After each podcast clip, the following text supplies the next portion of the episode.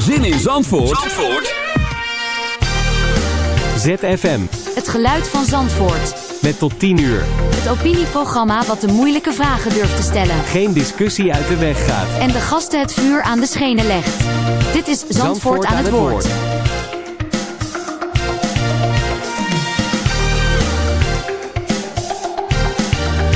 Uw presentator is Bastiaan Torenent. Ja, welkom dames en heren bij weer een nieuwe Zandvoort aan het woord. Het is een herfstachtige avond vanavond. Het regent weer en het duister is toegetreden. Dus tijd voor een goed gesprek. Tijd voor Zandvoort aan het woord. Uh, we zijn natuurlijk het opinieprogramma van ZFM Zandvoort... waar alle politieke, culturele en maatschappelijke onderwerpen langskomen. Deze week is mijn vaste sidekick weer aanwezig. Marije Strobos van onze website, van de website plusenbeetje.nl. En we gaan het hebben over herfstdepressie. Wat houdt het in? Hoe herken je het? Waar moet je opletten? En wat is eigenlijk de oorzaak ervan? We gaan dat alles zometeen bespreken met onze gast Rob Spruit, als ik het goed heb. Um, Oh, dan moet ik wel je microfoon aanzetten natuurlijk. Klopt helemaal. De, welkom Rob. Uh, hij is ook van de depressie supportgroep Zandvoort. En hij is eerder hier in onze uitzending geweest... om uh, ook over hetzelfde uh, onderwerp ongeveer te spreken. Ehm, maar voordat we natuurlijk even doorgaan... hebben we nog een um, gast vandaag. Hij komt een beetje kijken, gewoon meekijken met radio maken. Um, dat is Geert Kloppenburg. de, hij heeft diverse podcasts shows. En zit regelmatig bij BNR als uh, gast uh, aanwezig, uh, is hij aanwezig. BNR bedoel ik Business News Radio. Um, hij wil natuurlijk meer weten over het radio maken en natuurlijk over ons programma. En mogelijk gaat hij in de toekomst ook wat doen voor ZFM. Um, dus welkom Geert. Dankjewel, goedenavond. Dat, goedenavond. Nou, dan hebben we nog een heel mooi nieuwtje vandaag. Onze zender ZFM Zandvoort is namelijk aan het vernieuwen. Um, ik heb daar als programmaleider hier en daar wat invloed op. Uh, zoals mogelijk gelezen heeft uh, deze week in de krant... Een vrij groot artikel over onze werkzaamheden... en de vernieuwingen bij ZFM. Ehm, naast dat we de programmering onder handen hebben genomen... hebben we sinds vandaag ook podcast op onze site staan. En als het leukste blije boodschap kan ik daaraan geven... de vaste luisteraars van ons programma... die kunnen ons nu ook voortaan terugluisteren op onze site. Want elke week komt daar gewoon de podcast op te staan. Zodat u gewoon terug kunt luisteren. Wilt u daar meer over weten? Kijk dan op uh, www.zfmzandvoort.nl U luistert naar Zandvoort aan het woord op ZFM.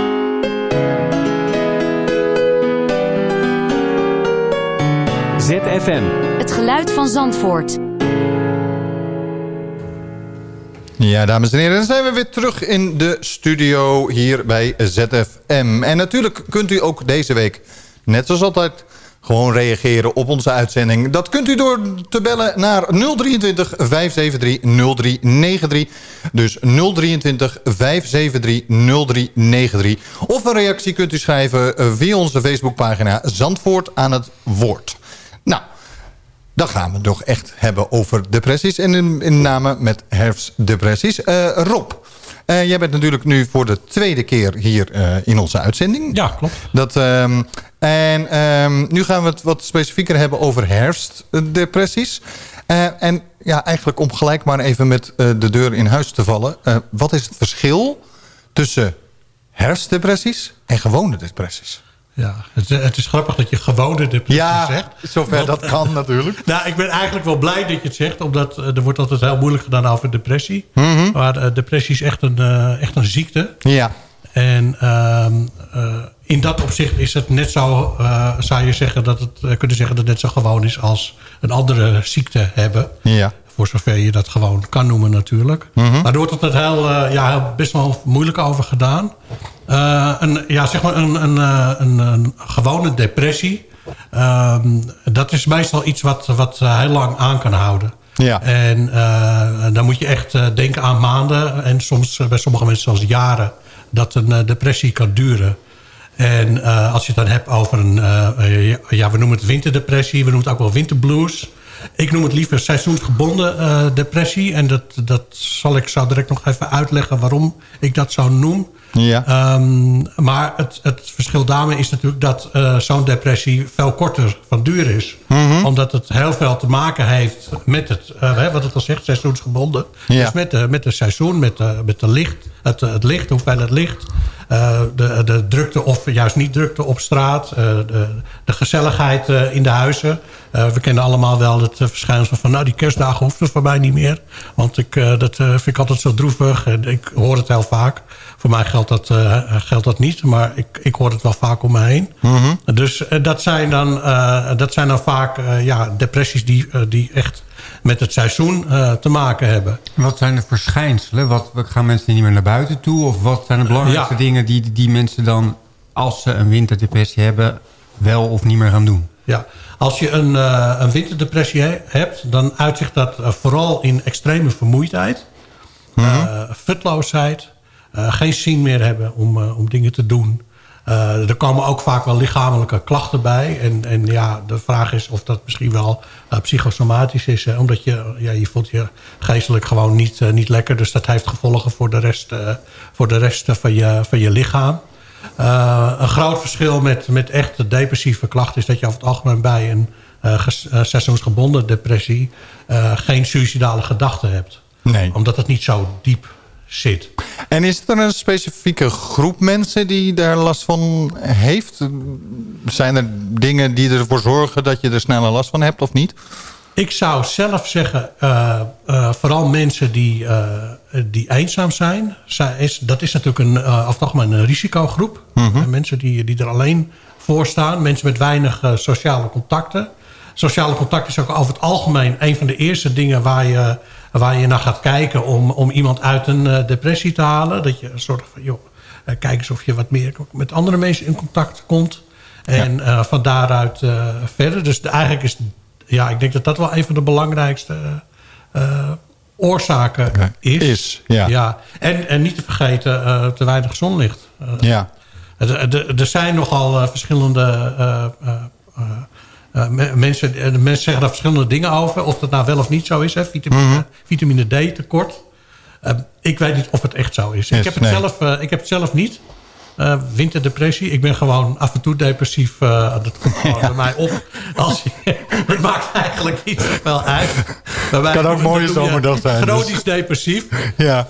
Maar ehm, ik zei net, ik zou, ik zou even terugkomen op die eh seizoens, eh, seizoensgebonden. Maar wat helpt dan? Wat moeten we allemaal naar de zonnebank toe dan? Als je het niet Dat hebt? kan, dat kan helpen. Ja? Nou ja, wat, wat, eh, wat bewezen is, wat voor veel mensen helpt, is een daglichtlamp bijvoorbeeld. Ja. Om gewoon eh, per dag een uur of misschien wel langer...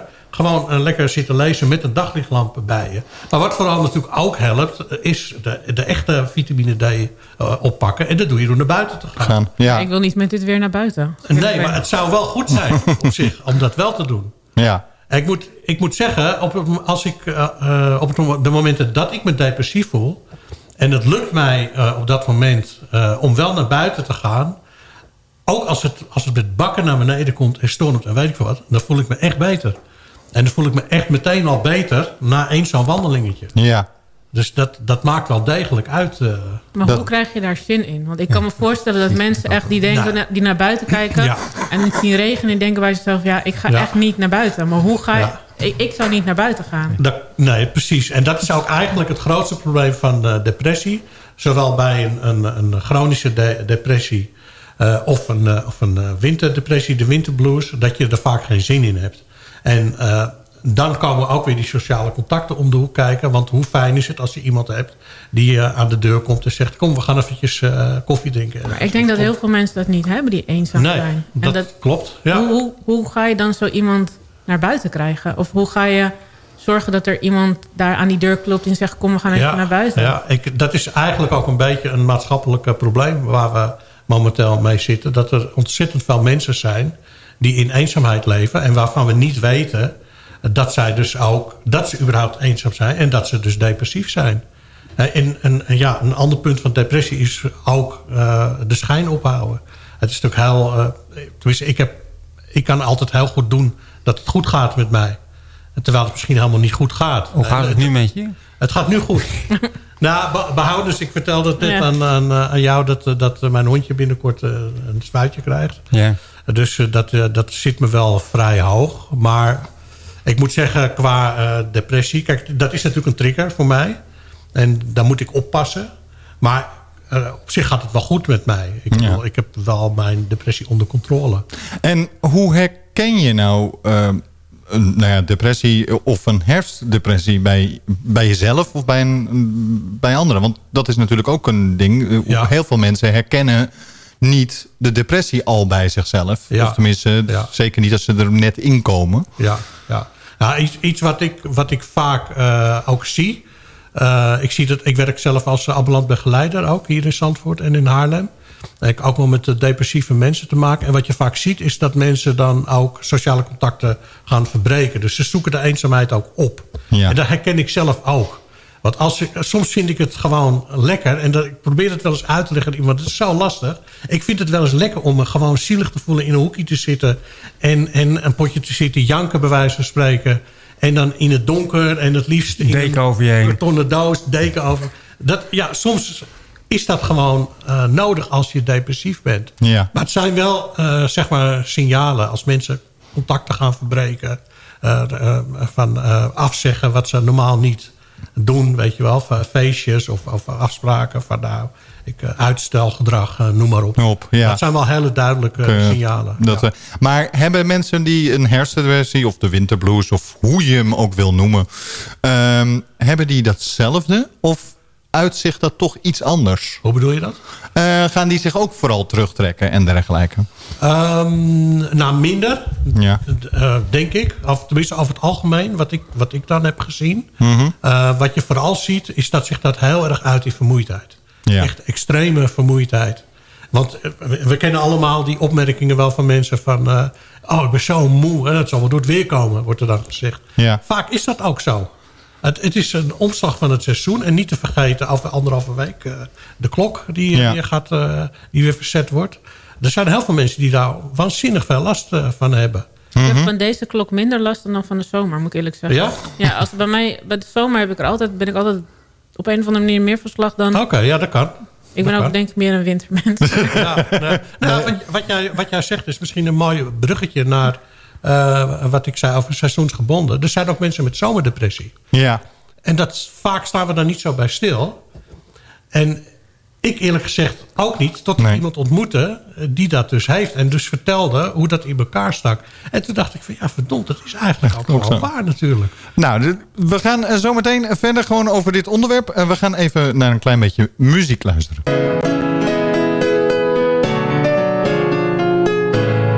Luistert naar Zandvoort aan het woord op ZFM.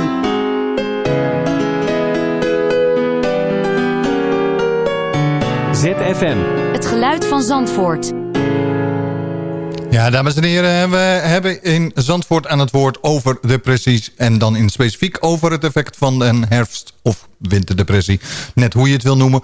Heeft u eh, hier nu ervaring mee of wilt u vragen aan ons, eh, een vra- een vraag stellen aan onze, een van onze gasten? Bel dan naar 023 573 0393. Of stuur natuurlijk een privébericht eh, op onze Facebookpagina Zandvoort aan het woord. Ehm, nu even, ehm, voordat we ehm, verder gaan. Ik ben helemaal dat vergeten te zeggen. Ehm, natuurlijk zijn er ook luisteraars die eh, jou nog niet kennen, Rob. Eh, dus vertel nou even, wat doe jij eh, zo in je dagelijks leven? Slash, mm, wat heeft dat met depressies te maken? Nou, naast, naast depressief zijn bedoel je Ja, ja, hè? zoiets. Ja, dat is heel flauw natuurlijk. Maar ja, ja ik, ben, ik ben sowieso... Mijn hele leven heb ik er al last van hoor, depressies. En ik, ik heb er gelukkig wel goed bij eh, kunnen leren leven. Mhm. En ehm, eh, ja, je zit wat dat betreft altijd in herstel. Dus dat geldt voor mij ook wel een beetje. Maar wat ik doe, ik ben, eh, ik ben ambulant begeleider. Ja. Ehm, ik, dus ik ga naar de mensen thuis. Ja, kom, bij sommige mensen kom ik een paar keer per week. En dan een paar uur ja, zitten we te praten. Of we gaan wat, wat dingen regelen die, die geregeld moeten worden. noem maar op. Ja. Dat doe ik voor een zorginstelling uit, uit Haarlem. Ehm, daarnaast eh, ben ik ook eh, eh, nauw betrokken bij de Herstelacademie in, eh, in Haarlem. Eh, ik ga, volgend jaar ga ik, eh, ga ik lesgeven daar zo. Eh, ik word eerst eh, co-docent en dan, eh, daarna ga ik, eh, word ik eh, ook gewoon docent. Ja. En eh, ik ben bezig met een eh, eigen workshop. Luisteren zonder oordeel en aannames. En die, ga ik, eh, die staat voor volgend jaar eh, bij hun op de kalender. Dat vind ik wel heel erg leuk. Daar heb ik al eh, erg, veel, eh, erg veel zin in. Nou, die laatste vind ik eh, heel interessant, moet ik eerlijk zeggen. Want hoe doe je dat? Ja, ja, dan moet je de workshop volgen. Ja, natuurlijk. maar een klein tipje van de sluier. Nou, ik, ik, een klein tipje kan ik wel geven. Ehm, wat we allemaal eigenlijk doen als we iemand zien... of als we iemand iets horen vertellen... Of, of, of wat dan ook, wat voor contact je ook hebt met iemand... dan denken we iets. Ja. En we denken er altijd iets van. En het, eh, daar zit ook vaak een oordeel in. En dat oordeel is op zich niet zo erg... mits je je daarvan bewust bent. Dat Ja. je dat oordeel doet. En, en dan nog beter waarom je het, eh, het doet. Ja. Ik, eh, even heel kort, ik kwam een, een paar jaar geleden... kwam ik een keer met de hond uitlaten een, een man tegen op, op de boulevard. En die zag eruit een beetje, een beetje shabbies. En toen dacht ik meteen eh, aan zwerven. Dat kwam Ja. in mijn... maar het is een aanname natuurlijk. Ik denk van, ja, wacht eens eventjes, eh, Spruit, dat gaat niet gebeuren. Dus ik ging met die man in gesprek. En ik, eh nou, was een heel normaal gesprek eigenlijk. En hij vertelde, ja, ik ben op het strand, het was in de zomer. Ik heb op het strand geslapen, want ik had de trein gemist. Feestje. Nou, wie ben ik om dat niet te geloven? Dus ik, ik geloofde dat, ja, ik neem dat dan ook aan. En ehm, wat mij daarvan vooral opviel... dat ik gewoon door die man eh, serieus te nemen en naar hem te luisteren... eh, dat die man ook gewoon echt ging vertellen aan mij wat er aan de hand was. Ja. En dat bleek ook echt waar te zijn. Want eh, hij vertelde tegen mij dat hij zijn medicijnen kwijt was. En ehm, toen ik thuis was, kreeg ik een oproep van, van de, de, de Burger Alert. En dat er, een, eh, dat er iemand zijn medicijnen kwijt was op het strand. en dat was dus bij mij voor de deur. dus dat was voor mij ook een bevestiging. Ja, zie je wel. Ja. Je bent heel snel met aannames. En, en het is vaak is het, is het anders. we Anders, zijn ja. gewoon geneigd om heel snel een, eh, een aanname te doen. Maar even terug naar die winterdepressie. Heb je dan Ja. voor je werk, als je eh, voor de zorginstelling... ben je dan ook bewust met depressie of met winter... Voor, wat voor type patiënten kom je thuis, laat ik het zo zeggen? Eh, nou, wij voor noemen type het- mensen helpen? Ten eerste ga je een patiënt met Nee, dat- cliënten. ja, ja. eh, Oh, dat, ja. ja. dat is wel een belangrijk verschil. Want ik, ben, ja, weet je, ik, ik vind het belangrijk omdat ik Ja, goed. therapeut ben. Ja? Ja. En ik ben, ehm, ik, ik ben ambulant begeleider met ervaringsdeskundigheid. En eh, dat betekent dat ik mijn ervaring op het gebied van, eh, van depressie... ook eh, ja, inzet eh, in, de, in de hulp die ik bied. En dan nog even voor de luisteraars en voor mijzelf... want ik, ver, ik verdoezel me altijd achter de luisteraar. Wat is ambulant begeleider? Wat doe je? Ehm, ambulant begeleider is... eh, ja, wat doe je? Je- begeleidt iemand in, de, in, de, eh, in, in alle zaken die geregeld moeten worden. Je zorgt dat iemand contact heeft. Meestal wordt er door, de, door de zorgcoöperatie worden de doelen opgesteld... samen met de cliënt. Van, nou, waar, waar wil je aan werken? Sociale contacten, eh mijn huishouden, eh, eh, met depressie bijvoorbeeld.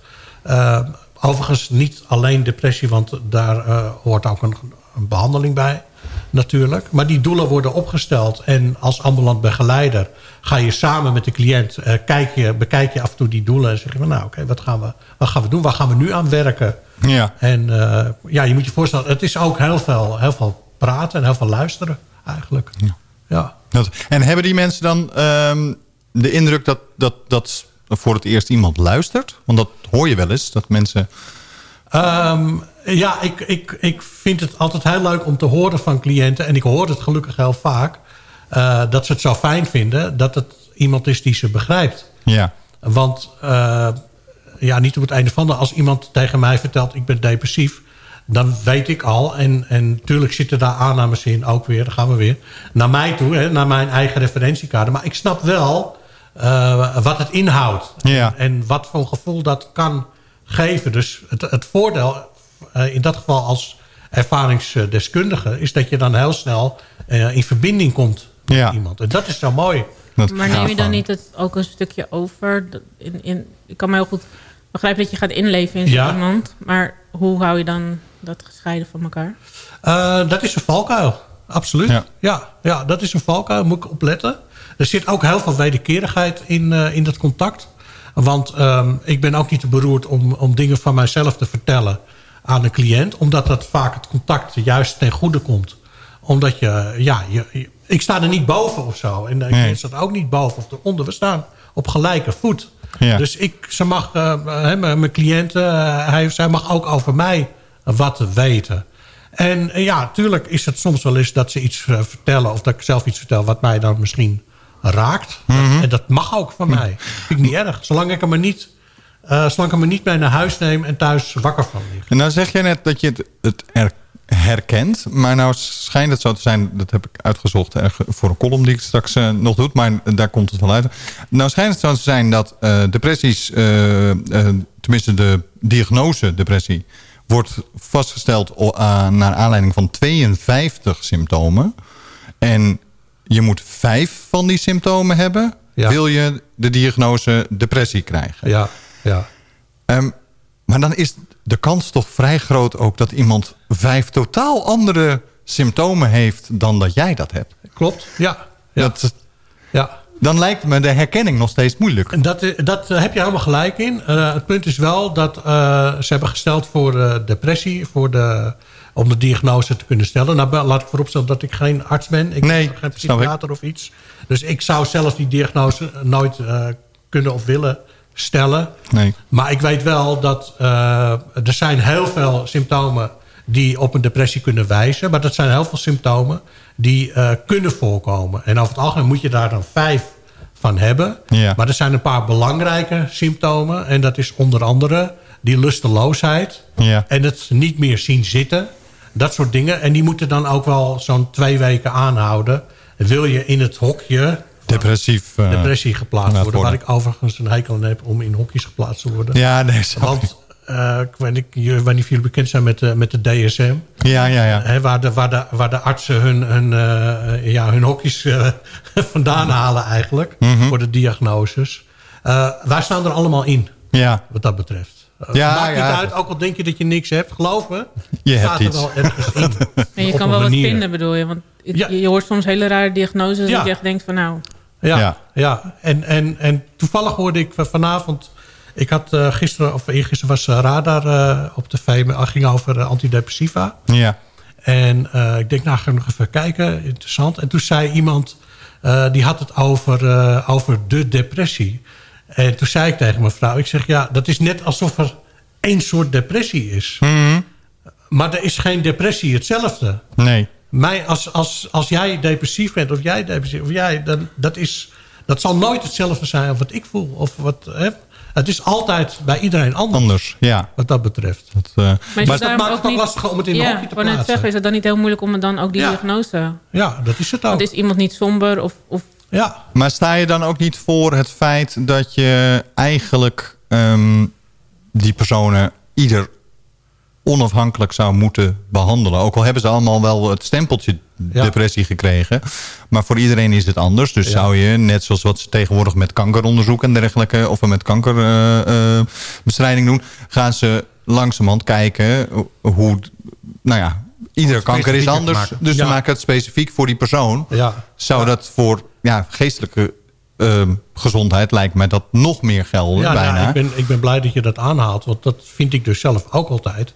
Dat Ja. eh, onze gezondheidszorg is heel erg gericht op protocollen. Ja, van, van, eh, eh, we moeten die richtlijnen volgen. Mhm. En het, het zijn vaak schema's, hè, van, van ja-nee schema's. Eh, we- ik, zelf, ik noem het altijd what-if eh, schema's. ja, En ja, de- dan ben je altijd gebonden eigenlijk. En het probleem is dat ze ook weinig tijd hebben. Als, ik, eh, als je naar de huisarts gaat, Ja. dan heb je, eh, wa- wat is het, negen minuten of zo? Of tien ja, minuten tien misschien. minuten. ja, En dan, dan moet je wegwezen. ja. Nou, voor een goed gesprek ga ik niet naar de huisarts. nee, Je, nee. kan twee, je kan twee gesprekken boeken. Ja, dat kan. Dat kan. En, en soms natuurlijk zijn er, zijn er artsen... Ik mo- moet overigens zeggen dat eh, de arts waar ik bij zit... daar zat een, een eh, arts in opleiding tot specialist. En die, eh, was een jonge vent... Die, eh, die heel goed luisterde. En dat was echt voor mij een openbaring. Dat ik dacht van jeetje man... Jij, gaat het echt, jij doet het echt goed, weet je wel. Ja. En dat vind ik mooi als dat wel gebeurt dan. Bij het Beatrixplantsoen, de, hu de huisartsencentrum bij het Beatrixplantsoen en in Noord hebben nu ook eh, extra psychische medewerkers erbij. Ja, Die ja. voor begeleiding eh, zorgen en waar je gesprekken mee Ja. kan hebben. ja ik, ik pleit ook eigenlijk wel voor meer ervaringsdeskundigen op dat, Dat, gebied. Maar is het zo dat dan herfst, want we hebben het in principe over Ja. de seizoen gebonden. Ja. Ehm, is het dan zo dat de, eh, want depressie in het algemeen wordt ook al door een groep mensen soms niet altijd even serieus genomen. Ehm, in hoeverre wordt de herfstdepressie of nou, winterdepressie of nou, ja, seizoensgebonden eh, depressie, in hoeverre wordt dat serieus genomen? Want Ja, in feite eh, lijkt het me dat, nou ja, even heel, heel hard gezegd, ja, het seizoen gaat ook weer over. En dan ben je niet meer depressief. Nog Klopt. platter, zit niet zo te zeiken. Ja, ja, gewoon ja, naar ja, toe. Gewoon even op z'n Hollands. Dat is Ja, wat ik bedoel. ja. Nou ja, je ja. kan beter je arm breken, dat heb ik nu ontdekt. Dat- want dan zien mensen... dan zien dat- mensen het. Dat is klassiek, hè? Ja, nee, Ja. maar dat is, ik heb het nu ontdekt. Dat eh, als je je arm En dat is breekt... met alle geestesziekten is een ramp. Mensen zien dat en mensen, mensen zijn bezorgd en die vragen wat is er met je aan de hand. Maar als ik dit niet had gehad en ik had er misschien als een treurwilgje bijgelopen... was er waarschijnlijk niemand geweest die had gevraagd aan mij... wat is er aan de hand met Nee. je? Nee, en die had ook nog geoordeeld, wat zit jij nou zagrijnig? Ja, precies. En nu, weet je, nu loop ik met een, met een mitella en dan zegt iedereen... oh, wat erg. En dan denk ik van, nou, nou, het valt best wel mee. Ja. Maar, ja, oké, ik vind dat meevalt. Maar het, is wel, het, het valt me heel erg op dat mensen heel anders naar je kijken... op het moment dat het zichtbaar is dat je iets hebt... Ja. dan dat je bijvoorbeeld iets hebt wat met je geest te maken heeft. Want mensen zien het niet. Maar in hoeverre wordt het dus even, dat kan ik helemaal volgen, maar wordt het serieus genomen? Want ik Ja. heb zelf ook die vooroordelen. Ik zou ook nog bijna, eh, ook Ja. echt, ik denk het ook wel eens, dat ja, nou Rob Kato. Ja, er zijn, er ik zijn niet lullig.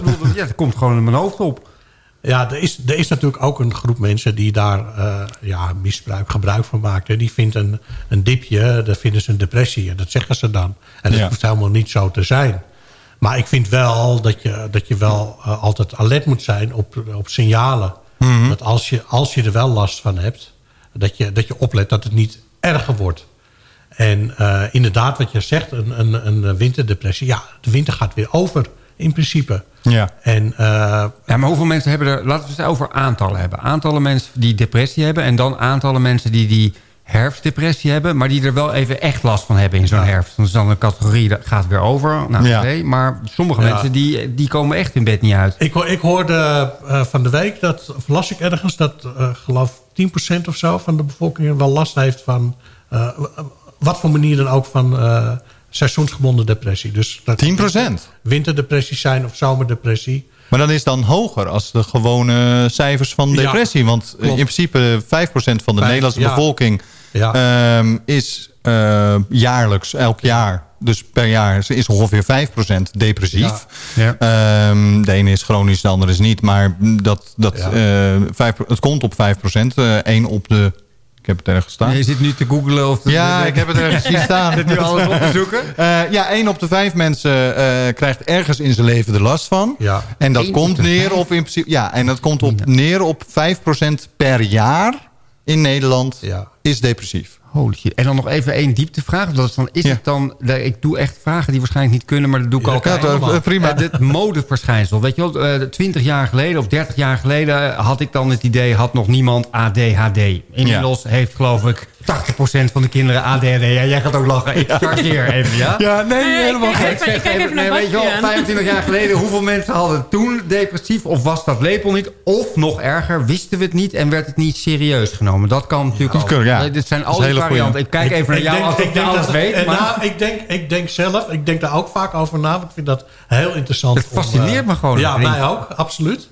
Ik denk dat het een beetje, dat er een beetje een middenweg is wat dat betreft. Want ik denk dat het ook te maken heeft met eh, eh, de manier waarop we nu communiceren met elkaar. Ja. Ehm, eh, jongeren en, en ook steeds meer ouderen communiceren steeds vaker via social media natuurlijk. En allerlei andere kanalen die we daarvoor hebben. Dus het is veel sneller dat we iets vertellen daarover. Wat we misschien vroeger Niet deden. niet gauw, vertelde, eh, maar dat het onder de radar bleef. Ja. dan bleef het onder de radar, precies. Ja, een beetje hetzelfde als, nou ja, een beetje een rare vergelijking misschien, maar de huiselijk geweld, dat was vroeger veel minder bekend. Daarom wordt nog steeds gezegd, in de jaren 50 was het er niet. Nou, in de jaren 50 was het er net zo hard. Tuurlijk. Alleen, tuurlijk. toen zagen we het niet, bleef het achter de Nou, voordeur. eh, nu zien we het wel. Sterker nog, eh, tegenwoordig weten we als er eh, ook maar een kleine aardbeving ergens op de wereld is, dan weten we het meteen. Ja, En eh, 50 jaar geleden...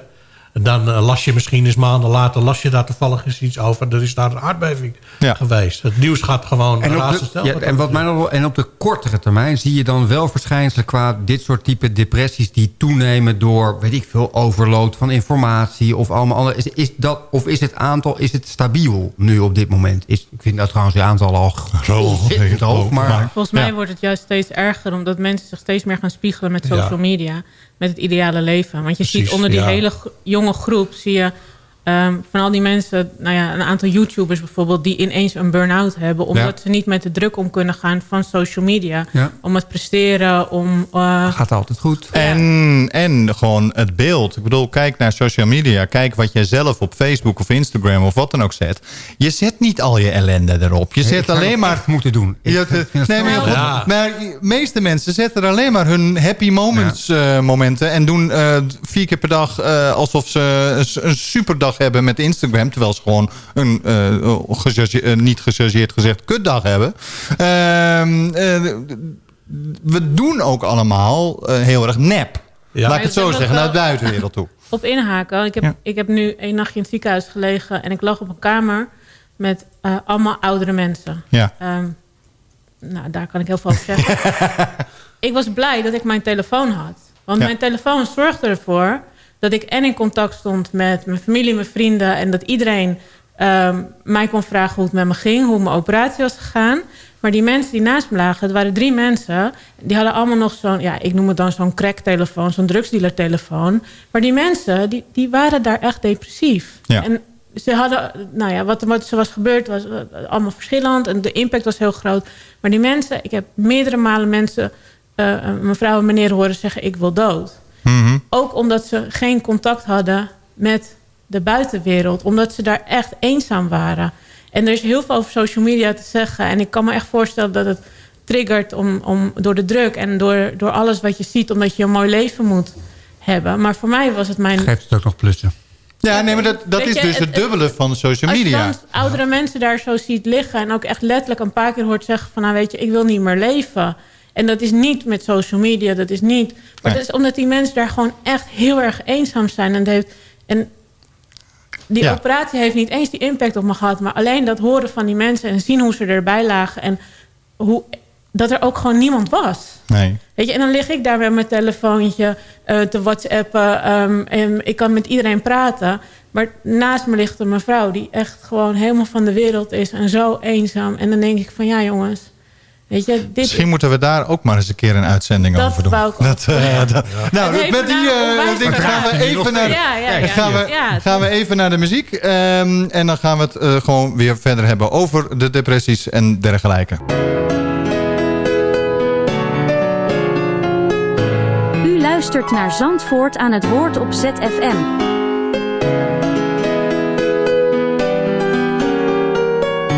ZFM. Het geluid van Zandvoort. Ja, dames en heren, zijn we weer terug. En hij is deze week voor het eerst dit seizoen weer terug. De column van deze week. Ehm, bij de research van dit programma kwam ik op iets stuitends uit. Er is namelijk een waar depressie gala. Ieder jaar weer. Dit gala kost een bezoeker 35 euro entree... en wordt gehouden in Carré op de bekende Blauwe Maandag... of Blue Monday, zoals zij het heel chic noemen. De derde maandag van januari is dit namelijk. Het gala wordt gehouden om geld in te zamelen... voor bijvoorbeeld organisaties als 113 Online. Nou vind ik zo'n organisatie hartstikke goed. 113 Online. Ehm, aangezien zij toch echt mensen helpen met depressie... of die mensen die in nood zitten. Echter leverde dit jaar het gala nog geen 30.000 euro op. Een vol carré levert ruim 70.000 euro op met 35 euro aan intree. Eh, waardoor ik mij afvroeg, waar blijft dat geld? Sponsort Carré de zaal niet? Nou, dat zou ik heel raar vinden. Want ehm, op maandag wordt Carré nooit gebruikt. Het is namelijk een theater en de meeste theaters zijn eh, dicht op maandag. En als theatermaker en acteur weet ik dat, want maandag was eigenlijk standaard mijn vrije dag. Ehm, zijn de artiesten dan niet gratis? Nou, zover ik weet, de meesten doen dit gratis. Innen ze dan allemaal eh, de organisaties eromheen? Innen die dan allemaal over de ruggen van mensen die somber zijn? Hoe zit dit? Hoe het precies zit, wil de organisatie niet prijsgeven. Zij geven geen openheid over hun financiën. En dat vind ik zeer kwalijk. Het geeft namelijk een verkeerd beeld af uh, op de mensen die wel degelijk last hebben van een depressie. Maar dan blijkt ineens dat de organisatie onder huisartsen sowieso al een beetje dubbel is. De medische wereld is namelijk langzamerhand tot de conclusie aan het komen... dat het vaststellen van een depressie een beetje dubieus gebeurt momenteel. Er zijn namelijk 52 symptomen die bij de depressie horen. Eh, heb je vijf van deze symptomen, heb je een depressie. Het probleem is echter dat voor ieder persoon het anders is. De samenstelling van de symptomen zijn anders en ook de oorzaak ervan. Dan zou je toch denken dat de behandeling van de depressie per persoon ook anders zou zijn. Maar dat is in de meeste gevallen dus niet zo. Want je hebt allemaal dezelfde diagnose, dus krijg je ook dezelfde behandeling. Hier is het GALA een groot voorstander van. Maar de huisartsen en de huisartsenorganisaties juist niet meer. Zij pleiten voor meer, meer diagnoses en verschil in behandeling per patiënt. Verschil in diagnoses. Echter, om dat te onderzoeken is er geld nodig. Maar dat, daar gaat het geld van de Blauwe Maandag Gala juist niet naartoe. Ik denk zelf dat ze bang zijn dat als de huisartsen gelijk krijgen... ze geen prachtig gala meer kunnen organiseren. Dat ze bang zijn dat ze geen geld meer kunnen wegsluizen. Dat meewerken aan het onderzoek van de huisartsen... suïcide betekent voor deze organisatie. En ja, depressie en suïcide gaan net iets te vaak en te gemakkelijk samen. Ik neem iedere vorm van depressie serieus. Dat meen ik echt. Maar zo'n organisatie doet dat eigenlijk niet. Want wie moet nou een diagnose stellen? Zij of de huisartsen?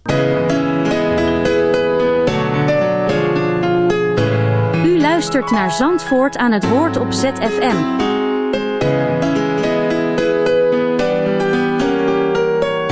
ZFM. Het geluid van Zandvoort. Ja, dames en heren, we zijn hier met Zandvoort aan het woord. Uh, hebben we het nog steeds over depressies.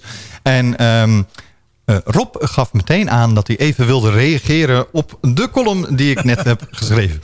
Of heb ge voorgelezen.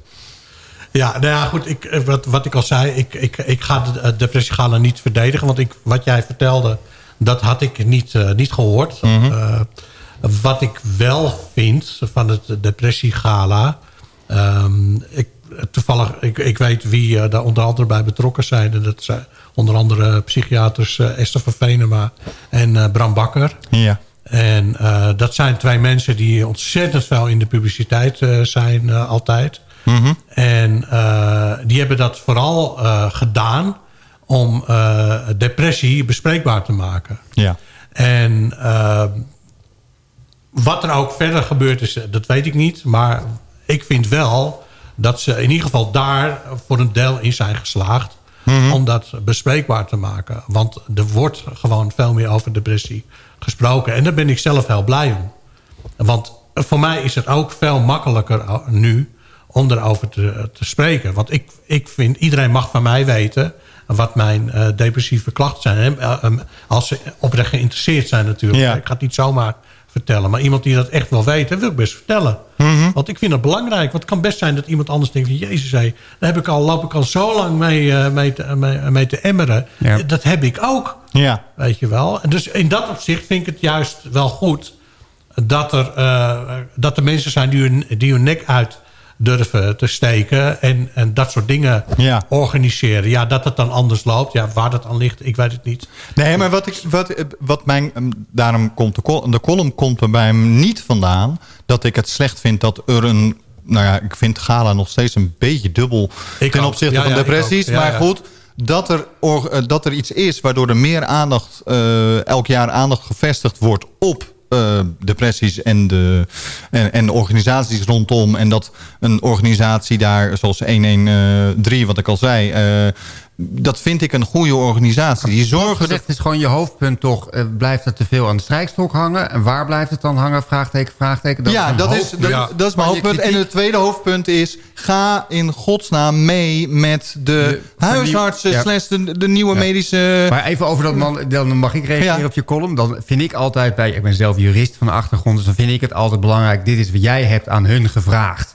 Geef openheid van zaken. Heb je nog niet gekregen. Jij poneert nu, en daarvoor is ook een column bedoeld. Dat is ook Mhm. heel goed. Alsof er misschien 80% blijft hangen, 50%, 30%. Dat is gewoon nog niet helder. Dus dan moet de luisteraar wel kunnen bedenken... als hij dit hoort, wacht even, we hebben de andere partij nog niet gehoord. We Nee, klopt. niet wat Er echt aan de hand is. Dat vind ik altijd heel erg belangrijk om daar even bij te zeggen. Want als ze nu live de radio en iemand zegt... ja, maar dat zit zo en zo en zo... dan denkt iedereen, oh, dat valt wel mee. Maar, maar Geert, prima, helemaal prima. Maar ik heb hier een telefoon. 023 573 0393. Bel ons alsjeblieft en geef commentaar. Nee, dat ben ik echt zo. Ge- geef ons commentaar, want...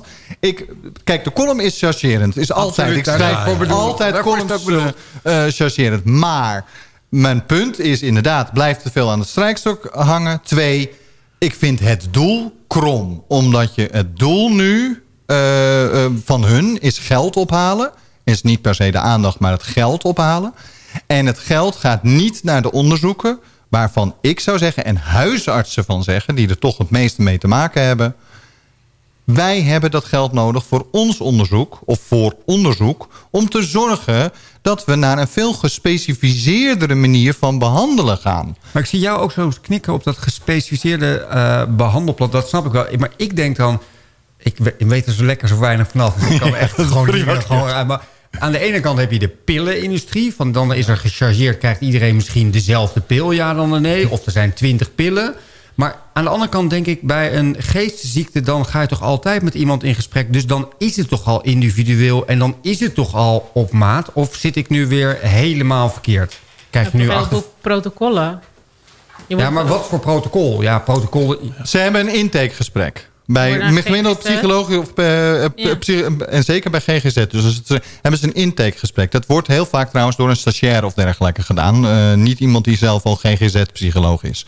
Dan, eh, dat gaat volgens formulieren. Gewoon een standaard Ja, formulier. Ja, ja. En daar zijn er bijna 200 zoveel van. Want er zijn heel veel verschillende van. Alleen... Het zijn wel gestandardiseerde formulieren.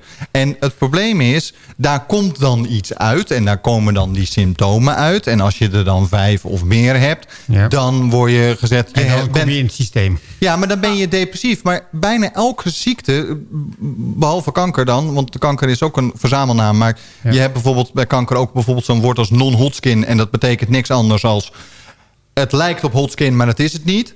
Ehm, en alles wat daarop lijkt, maar het niet is... dat valt onder de non-Hodgkin naam. Maar eh, dat gebeurt bij depressie in het algemeen. Je bent depressief, dus je hebt een depressie... En dat wordt gezien als alsof het één ziekte is. Maar bij iedereen is het anders. Herken dan je moet dit uit de iemand wel goed praktijk? Ja, ja. luisteren. Wat? Ja. Dan moet iemand wel goed luisteren zonder oordeel. Want ik Ja. heb ook wel eens in een intake gezeten... waar iemand echt een oordeel had. En dat was ook een, eh, een stagiair of wat dan ook. En die luisterde niet goed. Die herhaalde iets wat ik eigenlijk niet zei. Dus Ja. het, het, het is ook nog eens een heel... soms vertekend beeld wat iemand zelf binnenkrijgt qua communicatie. Ik, ik kan tegen jou zeggen, je trui is blauw. Maar jij kan bijvoorbeeld zeggen, nou het is geel. Ik, ik bedoel, het, gaat, het is nog natuurlijk ook gekleurd. Dus het is wel leuk die formulieren. Maar iemand moet wel luisteren en horen wat je ook daadwerkelijk zegt. Ja. Ja, en jij zei, je had het net over de, de pillenindustrie. Hè? Of dat, wat dat er nou eh, mee te maken heeft. Ehm, wat, wat vaak gebeurt is dat bijvoorbeeld een huisarts... eh, die heeft weinig tijd. En er komt iemand met depressieve klachten... Ja. En dan wordt er, naar mijn idee... en daar hoor ik eh, verschillende mensen ook over... ook eh, eh, artsen die daar eh, eh, eh, boeken over schrijven ook... dat er te snel eh, met medicijnen wordt gestrooid. Terwijl Dan moet ik je heel even eerst- onderbreken, Rob. Want we moeten naar het nieuws. We gaan het zometeen hierover verder. Dames en heren, Ja, straks de eh, pillen. u krijgt eerst het nieuws. We gaan het ook over de pillen hebben. ZFM. Het geluid van Zandvoort. Met tot 10 uur. Het opinieprogramma wat de moeilijke vragen durft te stellen. Geen discussie uit de weg gaat. En de gasten het vuur aan de schenen legt. Dit is Zandvoort, aan het woord.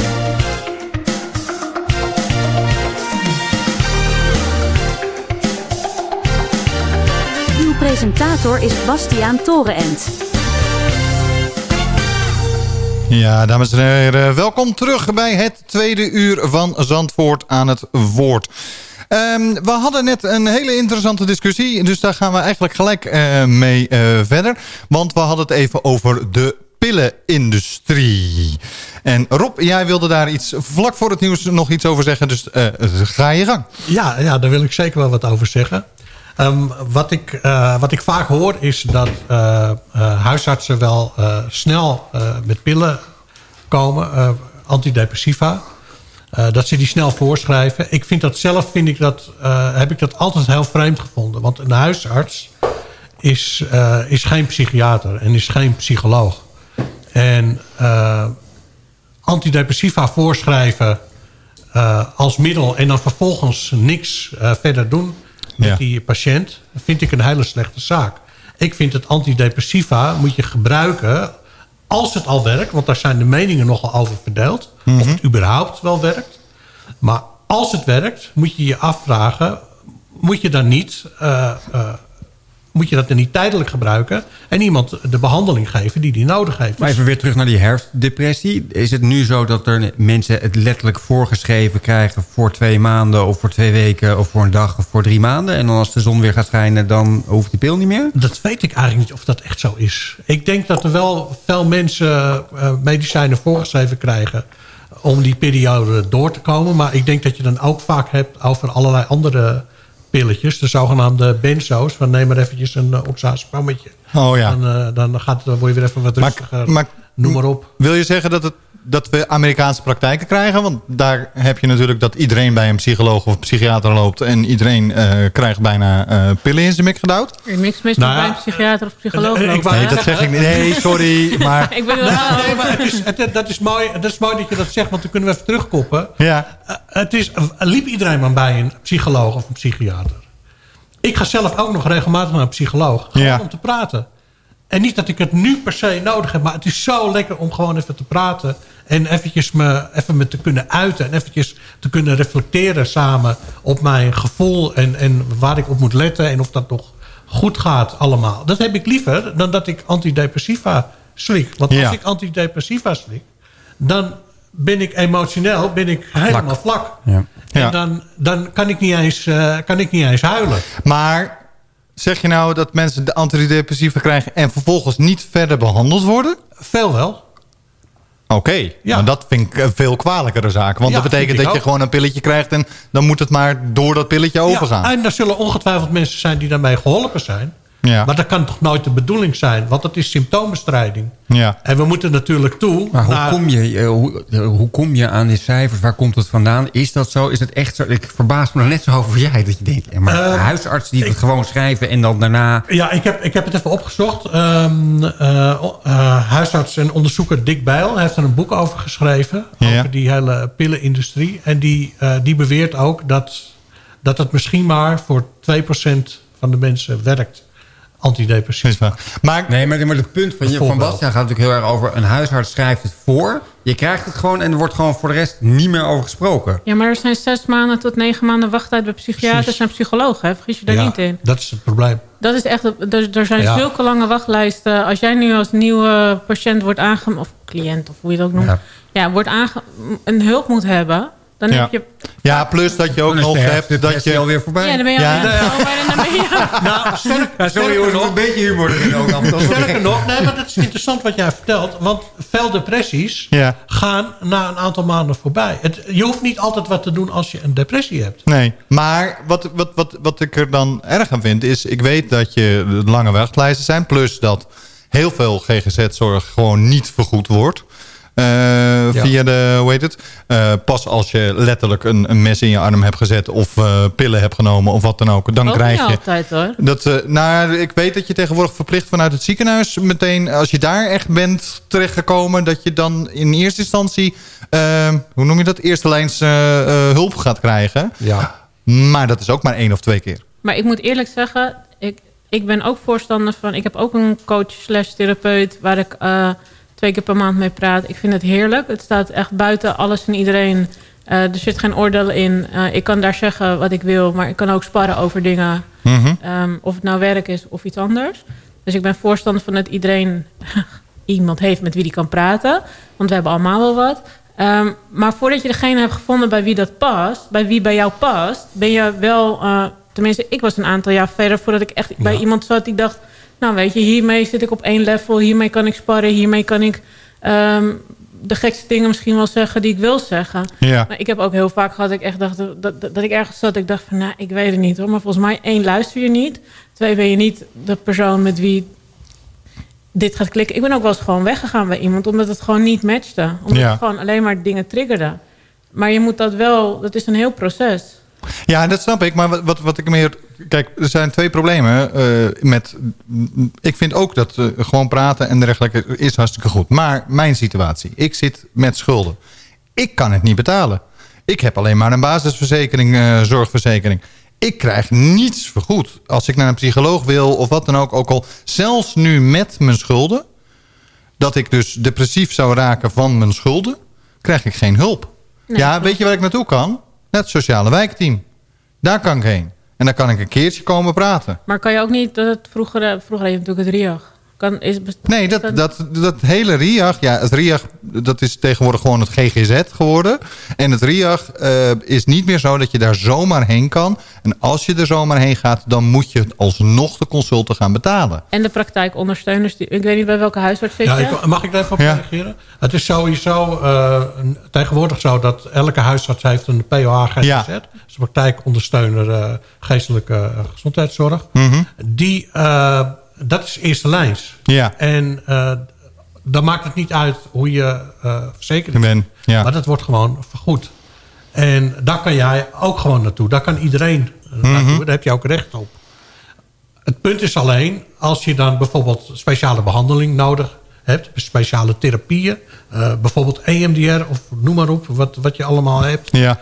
dan ga je naar een GGZ-kliniek of zo. En dan, ja, dan moet je extra verzekerd zijn, bijvoorbeeld. Ja. Of je moet zelf gaan bijbetalen. Of, eh, ja, en die kosten kunnen nogal oplopen. en die kunnen oplopen. Ja. Dat, eh, Maar het start bij de huisarts. En, en ik, weet niet of, Ja. ik weet niet bij welke je zit, maar ik weet hier... Nee, ik kan, ik kan het bij de huisarts kan ik het wel krijgen. Maar in principe, als je echt specifieke hulp met schuldhulpverlening krijgt... dan krijg je tegenwoordig aangeboden van de gemeente. Nou, daar, is een, dat, nou ja, er is een speciaal geestelijk steuntraject. Maar dat wordt dus niet vergoed. Maar dat is toch Dus raar? dat moet ik bij de, eh, eh, hoe heet het, bij de eh, praktijkondersteuner terechtkomen. Maar die is niet gespecialiseerd in depressies die voortkomen uit schuld. Ik heb het nu niet nodig, maar het gaat mij er meer om dat ik het krom vind dat wij een, een, een, een oorzaak hebben en een bepaald instituut hebben... die ervoor zorgt dat je mensen met schulden m- makkelijker eruit gaan komen... omdat ze geestelijk zich sterker gaan voelen.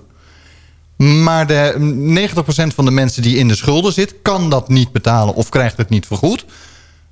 Dus komen ze nooit bij de juiste zorg terecht. het en dat zal in meerdere... Ik, ik gebruik dit als voorbeeld. Meerdere eh, eh, gedeeltes zijn... dat als je iets specifieker nodig hebt... dan kost het je opeens klauwen met geld. Dus doe je het niet. Ik betaal al, ik heb al jarenlang dat ik heel veel voor zorg moet betalen, Ja. omdat ik een ziekte heb die niet erkend is. Dus Mhm.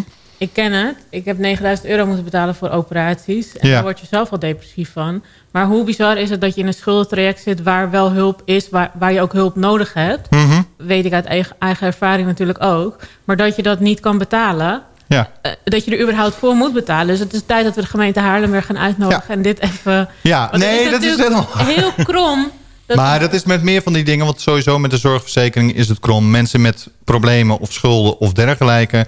die, kunnen, ehm, niet, die hebben vaak schulden bij de zorgverzekering... waardoor ze niet kunnen overstappen. Maar ze krijgen wel als eerste de gemeentezorgverzekering aangeboden. Dat is krom voor woorden. Want je kan niet overstappen naar die zorgverzekering van de gemeente... want je hebt schulden bij je zorgverzekering. Ja, maar de zorg is een van de grootste kosten die we hebben. Ja, klopt. Dat is ook zo. Ja. Dat, eh, En eh, dat wordt alleen maar meer. En Ja. Voor chronische ziekte is het... Ik betaal mijn schil aan zorgkosten. Maar- En weet je, het is, het is om echt om depressief van te Ja. worden. En om het maar even zo te noemen. Ehm, maar het is natuurlijk wel heel zorgelijk allemaal. ja. Maar wat... Maar- maar- vind ik, vind dit ik de, weg, de weg naar het sociaal wijking vind ik wel een, een goede weg om te nemen. Om in ieder geval Mhm. te proberen. Want eh, ik ben zelf ben ik vrijwilliger ook. Ja. Daar zo, voor een project dat heet Niemand Verzand in Zandvoort. Ja. Dat is opgezet eh, door eh, iemand van het Sociaal Wijkteam. En eh, dat is speciaal opgezet om mensen die dus eh, eh, specifieke hulp nodig hebben... maar die dat misschien niet kunnen vinden of wat dat niet Ja. helemaal duidelijk is wat ze nou zoeken... om met die mensen in gesprek te gaan. En Mhm. dat wordt gedaan door vrijwilligers. Dus in dat opzicht zit daar wel verbetering in. In, ja. En vaak kunnen ze je ook wel naar de, via de juiste weg leiden... naar waar je, waar je dan uiteindelijk naartoe moet. Ja. Neem niet weg dat het nog steeds een probleem bl- blijft met, met eh, de kosten natuurlijk. Nee. Maar het sociaal wijkteam kan wel degelijk steeds meer betekenen wat dat betreft. Maar is de erkenning van... want we, we hebben het net over erkenning van, van, van eh, eh, haarziekte... maar dat is een, een fysiek iets. Ehm, is de erkenning van GGZ, of ge- geestelijke ziektes... nog steeds niet... of nog steeds... Nee, hoe zeg ik dit nou? Wordt het genoeg erkend? Ik vraag me dat serieus af. Ja, Ik denk dat er nog steeds een, eh, soort taboesfeer uh, overheen eh, hangt. hangt. Ja. Over die hele GGZ. Terwijl het wel degelijk een, een, een ziekte is. Mhm. Ik bedoel, ik, ik, ik ga niet voor, voor de lol roepen van... joh, laat ik eens even depressief worden. Nee. Of laat ik eens even schizofreen worden. Of wat dan ook. Maar Of, en- eh, Ik, jij Ja, bent net, jij bent net al als de- ik wat, wat, wat... Ik ga vol slank, hè? Hoe vaak ben... Ik ben heel vaak bij een arts geweest die zei dan... Ja, maar dan voelde ik me niet zo happy. Kijk, bij mij lagen er andere dingen ook nog aan. En dan zei hij... Ja, maar weet je wat we gaan doen? We gaan eerst afvallen. ja. Hoe vaak, maar dat zijn dingen... eh, Als Ja. je... Als je met, met ja, kijk, mijn arm is gebroken. Maar voor hetzelfde geld had iemand gezegd... Ja, nou, je maar niet zo dik moeten zijn. Dat je maar niet, als je was gevallen, was je arm niet gebroken, weet je? Heel vaak wordt het ook, denk ik, weggeschoven door artsen... onder andere noemers van... Oh, wacht, je hebt overgewicht. Misschien is dat het probleem. Of Misschien Ja. voel je je daar niet oké Ja. door. En is dat ook misschien wel een probleem? Ja, en weet je, weet je wat ook vaak het grote probleem is? Iemand met geestelijke problemen die hulp gaat zoeken... Ja. die is natuurlijk kwetsbaar Ja. geestelijk. En dat betekent dat je qua assertiviteit natuurlijk niet zo hoog zit. Nee. Dus je, je vindt het heel moeilijk om, om voor jezelf op te komen op dat moment. Ja. En dan krijg je eh, iemand die zit tegenover je... en die vertelt je van alles. Van nee, je moet dit, je moet dat en doe nou zus en zo. En dan denk je, nou, ik zal het maar doen, weet je wel. Mhm. Terwijl je eigenlijk, als je met een gebroken poot zit... dan kan je nog assertief zijn en zeggen van... ja, luister nou eens eventjes. Het doet verdomme pijn en Ja. ik wil dat er wat gebeurt. Maar als je zwaar depressief bent of wat dan ook... wat voor een geestelijke toestand je ook bent... is dat gewoon veel lastiger. Oké, doe even. Dat, de- ik probeer het. Nee, heel goed. En nou, hoe kom je eruit? Wat helpt jou? Hoe kunnen partners, andere mensen, nono's zoals ik, die het niet snappen... Hoe, wat zijn goede artsen? Wat zijn goede methodes? Hoe kunnen mensen in je buurtje... Dus neem even... Wanneer, wanneer is het jou gelukt om er... Ja, en dat gaan we doen na sorry. de muziek.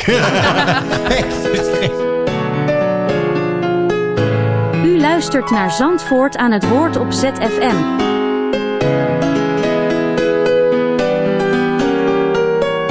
ZFM. Geluid van Zandvoort. Ja, dames en heren, en dan zijn we weer terug. En dan gaan we naar het punt van Geert. Ja, ja.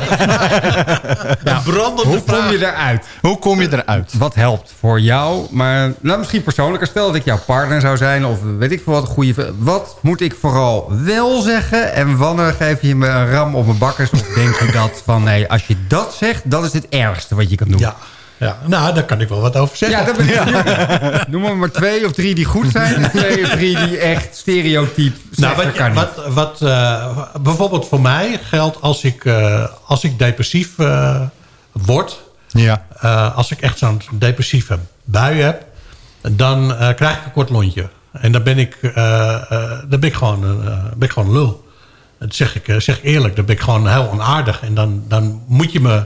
Wat je dan vooral moet doen, is me met rust laten.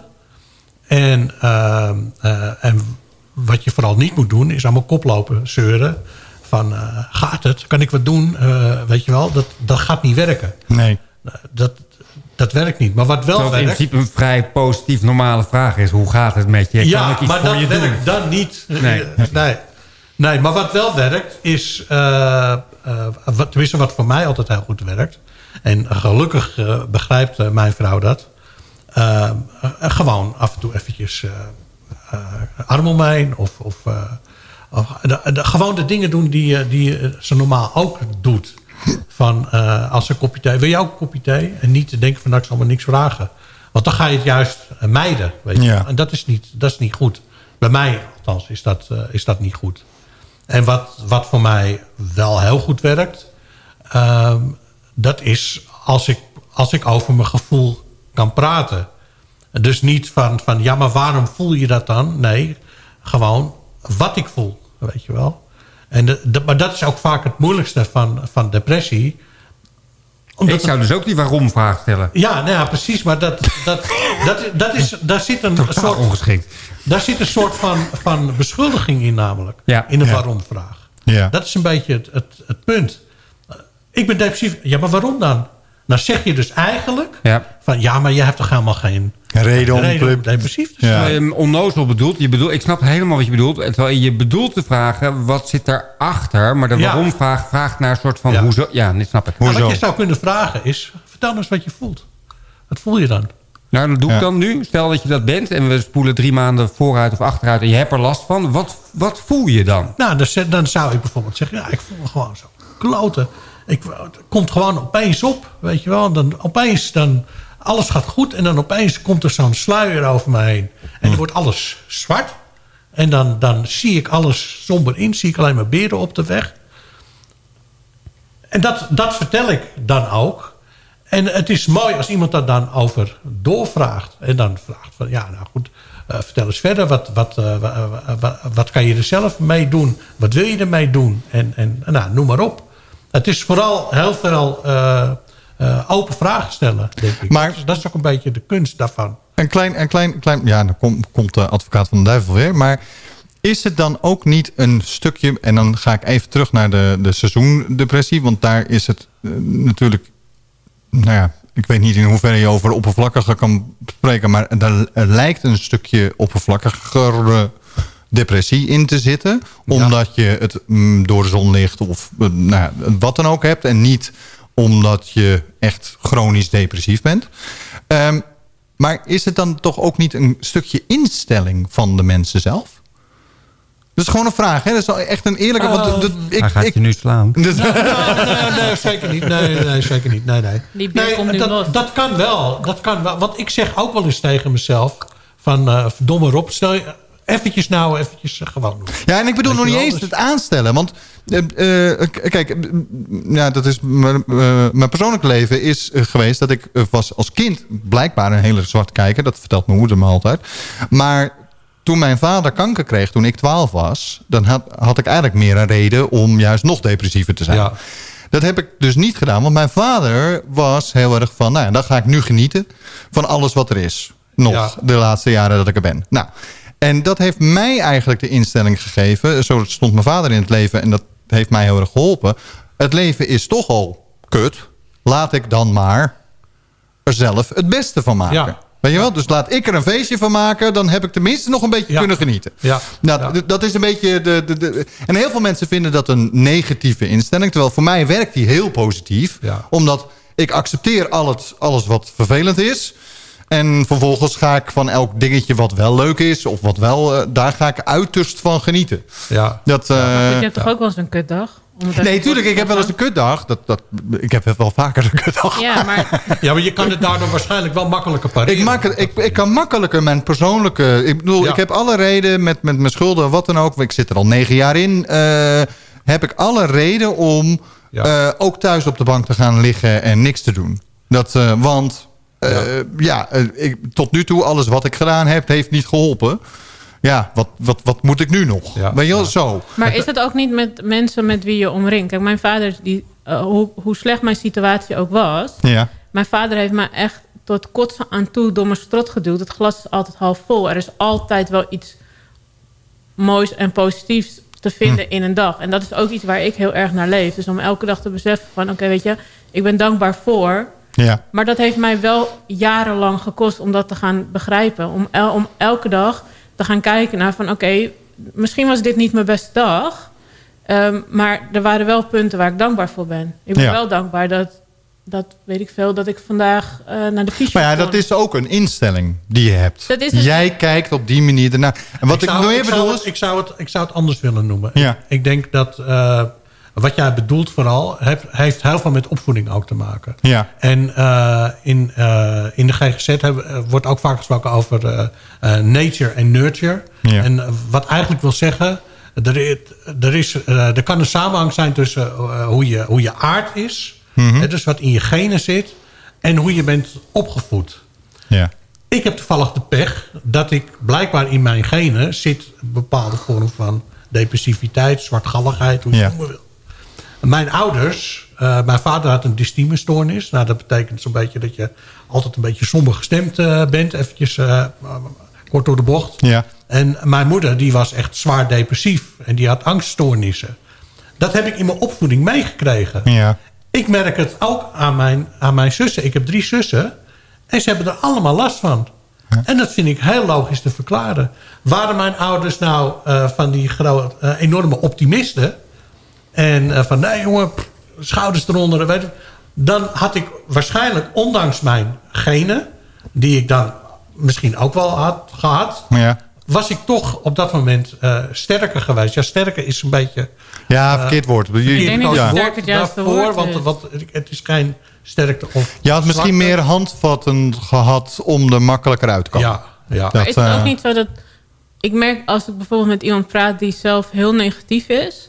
dat je dan veel makkelijker meegesleurd wordt in het negatieve. Dat, dat Ja. als iemand alleen maar zit te, om het even plat te zeggen... zit te zeiken over weet ik veel of het nou het weer is... of eh, de zorgverzekering of wat, whatever... dat je daar veel makkelijker in, in meegaat... ehm, omdat iemand al zo negatief is. Maar als je dus al een beetje depressief bent... dat je daardoor dan meer meegetrokken Ja. wordt... als je je omringt met mensen die eigenlijk alleen maar... om even tussen aanhalingstekens te zeuren... ja nou, dat, klopt, dat klopt wel, denk ik. Ik denk dat het zeker uitmaakt als je mensen om je heen hebt... die, eh, die somber Ja. zijn. Dan, dan, dan kan het niet anders zijn dan dat je daar wordt, door wordt beïnvloed. Ook al ben je nog zo'n grote optimist. Mhm. Zit een, de grootste optimist in een kamer met eh, tien eh, zwaar depressieve mensen... ik denk dat hij een probleem heeft. Maar die herfstdepressie, is het heel stigmatiserend... als wat Bastiaan een beetje naartoe ging naar... is het een instelling? Of is het... Is, of is het, want het andere is echt gewoon depressief. Een van die 52 klachten. Nou, oké. Maar is dat herfstdepressie echt een ziekte? Of zit dat dan meer ook aan de instellingenkant? Of moet je het toch wel als een geestesziekte zien? Ik, ik, denk, ik denk dat het, dat het echt een ziekte is. En ik denk ook dat het een chronische ziekte is. Want eh, van de mensen die ik ken die daarmee te maken hebben... eh, zomer- of winterdepressie... Die hebben er echt last van. die hebben daar echt last van. En die komt ook elk jaar terug. Oh ja. Wat dus eigenlijk erop duidt dat het iets chronisch En als je is. dan dus zegt, dat het is een instelling... en het is nu drie dagen mooi weer en ga eens naar buiten toe... dan, denk je, dan voel je je dus weer niet serieus genomen. Ja, Maar is ja, het dan, niet dan, een beetje een modedingetje? Want ik hoor ook heel vaak mensen al aan het einde van de zomer zeggen... ja, en straks is het weer eh, eerder donker en eh, Ja, gaat het ja. weer regenen... en dan voel ik me rot en bla, bla. Terwijl ik denk dat Ja. daar ook nog onderscheid in Ja, dat maakt, dat maakt het ook zo moeilijk om eruit te filteren. Wat dan... Ja, maar wat, Ja. wat ik me dan afvraag, hè, en het is misschien veel te simpel gedacht... maar stel dat je nou echt last van een winterdepressie... eh, Ja. en, en vitamine D tekort is inderdaad misschien een van de oorzaken die Ja. er is. Helpt het dan niet om gewoon te immigreren? Ja, je kan ook gewoon in september naar Marokko gaan en wat zon opdoen. Hoor. Nou, dat misschien... Nou ja, nee, maar Misschien bedoel, wel. het is misschien te simpel gedacht... maar ergens heb ik het zoiets van, ja, sorry, maar... als je dan zoveel last hebt van te weinig zon... ga dan naar een plek waar Ja. meer zon is. Ja, ja. In, in die periode dat je er last van hebt. Ja. Dat, eh, net wat je zegt, heel vaak... er zijn mensen die... hel- eh, Zo'n daglamp schijnt voor een grote groep mensen... zelfs voor mensen die niet depressief zijn... maar wel mm, iets minder functioneren in de winter... ehm, schijnt zo'n daglamp te helpen. Dus dan denk ik van ja, waarom gaan we dan Maar het is natuurlijk niet alleen dat. Hè? Nee. Kijk, er er gebeurt natuurlijk meer met, eh, se- met seizoenwisselingen. Ja, wat dan? Ja. De, eh, eh, de, de hoeveelheid licht, en dat bedoel ik niet zonlicht... maar gewoon eh, hoe, lang het, hoe lang het licht is op een dag. Ja. Dat heeft al invloed op ons. Ehm, eh, dat je lekker buiten kan lopen in je, je t-shirtje... eh, heeft ook invloed op ons. Ja. Of dat je dat niet kan, of dat je lekker Ja, de maar dan, ja, sorry, maar dan denk ik in januari kan je ook naar buiten toe. Er zitten prachtige winterdagen tussen. Het is 12 uur, doe een jas aan. Hop, ga het strand op en, en waaien. Ja, ja, ja was, was het maar zo makkelijk. ja. Nee, ja. nee, oké, maar, dat, nee, maar ik zit dus te- me af te vragen of er andere factoren zijn dan licht, daglicht, want die snap ik heel goed. Die snap ik ook gewoon meteen. Ja, en zeker omdat je dan ook nog hebt... k- Kijk, eh, in, ook in, ja, maar ook in Rusland en in, Ja. in eh, hoe heet het, Oh, in Noorwegen man. wordt er veel meer gezopen. Ook wegens de weinige... Ja, nee, dat is echt zo. De mensen dacht, zijn gaat veel nu- depressiever. Je gaat nu zeggen, daar is het veel langer donker. Ik denk dat nu ga je zeggen van ja, er is het bijna twa- 22 uur donker. Maar nee, jij gaat het over drank, drank doen. Nee, het gaat erom, ze drinken meer. Ze drinken meer doordat... Dat ze meer depressief zijn, omdat het veel minder licht is. Het, dat is maar is alleen, het is natuurlijk niet alleen dat. Er Nee. spelen natuurlijk veel meer, eh, veel meer Ja, maar zoals, dus neem je eens mee. dat En, mee. en wat, wat denk ik zelf ook meespeelt... Ja. En eh, dat er ook een stukje eh, conditionering bij kan komen. Als jij, eh, als jij iemand bent die, die daar heel lang last van heeft... Mhm. en dat komt elk jaar terug... dan ga je daar ook naar leven op een gegeven moment. Ja. En dat betekent dus dat je, dat je, dat je zo op ingesteld bent... van oh, de winter komt... oh ja, dan krijg ik, heb ik weer last van depressie. Ja, self-fulfilling prophecy. eh, Precies. Ja. Maar ja. dat heeft dan dus ook met mindset te maken. Want als, Dat jij, heeft zeker met mindset te als maken. jij denkt van oké, nou ja, die winter komt eraan, weet je, I will rock it, het komt allemaal goed. Dan zou je er anders in staan dat je denkt, Ja. oh ja, bah, gadverdamme, Ja. die winter komt. Maar ja, maar dat goed, maakt ik- het eigenlijk ook heel complex. Ik snap het wel, dat als jij eh, een paar jaar probeert van... nou, dit jaar gaan we het niet eh, doen en eh, we zien het wel, weet je wel. Je probeert er je mindset zo te krijgen... dat je niet per se ervan uitgaat dat je het krijgt. En je krijgt het verdomme vijf jaar achter elkaar. En dan snap ik best dat je het zesde jaar denkt... nou, het zal dit we jaar wel weer. gebeuren. Maar, maar naar Marokko toe gaan. Even terug te komen op Ja. jouw vraag toen net. eh, eh, wat je kan doen allemaal. Ja. Wat ook heel belangrijk is, wat ik net eh, vergat te vertellen... maar wat wel verdomd belangrijk is om te doen... zeker als het om je eigen partner gaat... is vooral gewoon de dingen doen die je normaal ook doet. Ja. Dus dat betekent dat je, dat je vooral ook voorstelt van... oh, zullen we uit eten gaan vanavond? Of zullen, gaan we mee, ga je mee daar naartoe? Of zullen we dat of dat doen? Eruit alsjeblieft niet denken, ook zal dat maar niet vragen. Want hij of zij is depressief en voelt zich niet lekker. Want dat zou echt juist fout zijn. Je moet volhouden en je moet eh, eh, contact blijven maken met iemand. Zodra je dat niet meer doet, zodra dat stopt... dan verlies je ook zelf het contact. Nee, maar dat is wel makkelijk gezegd. Als je natuurlijk Weet tien ik. keer achter elkaar Ja, dan ja, nee zeker. krijgt... en jij bent in een slechte bui en Ja, je ligt, eh, weet ik, of iets anders... Ik doe helemaal niet of mij dit herkenbaar voorkomt. Luisteraars. Eh, nee, maar ja, dan is het best lastig Dat om is contact te maken. natuurlijk. Dat, Maar- dat is moeilijk. Ehm, Ja. Ja, nee, dat, dat, dat, dat- maar eruit trekken is dus de- eigenlijk altijd de beste... ehm, nou ja, remedie is misschien een groot woord... maar wel iets wat het beste kan helpen... om iemand toch gewoon, Gewoon, wel gewoon naar buiten te doen. En met iemand in, in En Ja. je vrienden? Want dan neem jij niet op en dan zeg je vijf keer af. Wat, wat helpt voor jouw vrienden? Want is dat, dat is lastiger als je niet met iemand in één huis... en je probeert contact te maken en iemand sluit zich op... en zegt, doei, ik neem niet op, want ik heb er geen zin in. En, nee, Ja. en dat is dus niet lullig bedoeld, want Ja. hij voelt zich niet lekker. Ja, als, als, als En dan gaat hij niet naar de sport of naar de bingo of Ja. weet ik veel wat. En hij zegt allemaal, doei, ik doe niet mee. Nou, als, als, als vriend zou ik dan zeggen van... oké, dat zijn signalen dat het niet goed gaat. Precies. Ja. En dan zou ik... eh, Maar ga je dan opeens string aan de deur? ik zou dat wel doen, ja. Ja. Ja, ik zou dat wel doen. En, en dan mag je het ook uitspreken van... joh, ik maak me zorgen. Ja. Ik, eh, ik wil met je praten. Ja. En dan mag je best dwingend zijn. Als iemand per se niet wil, dan moet je op een gegeven moment wel zeggen... oké, maar je mag best zeggen van... joh, ik maak me zorgen. Ik wil met je praten. Hebben vrienden dat wel eens bij jou gedaan? Ehm, nee, vrienden niet, maar mijn vrouw wel. Die heeft wel op een gegeven moment eh, gezegd... ehm, ik, ik, heb, eh, ik heb twee hele zware depressieve episodes gehad in mijn leven. Eh, eentje vlak na het overlijden van mijn vader. Want dat was, eh, eh, bovenop alles was dat een enorme trigger natuurlijk. Dat is ook helemaal niet zo gek. Eh, daarna dacht ik dat het beter ging. Gestopt met, met antidepressiva. Het, ging ook, ja, het ging ook even beter.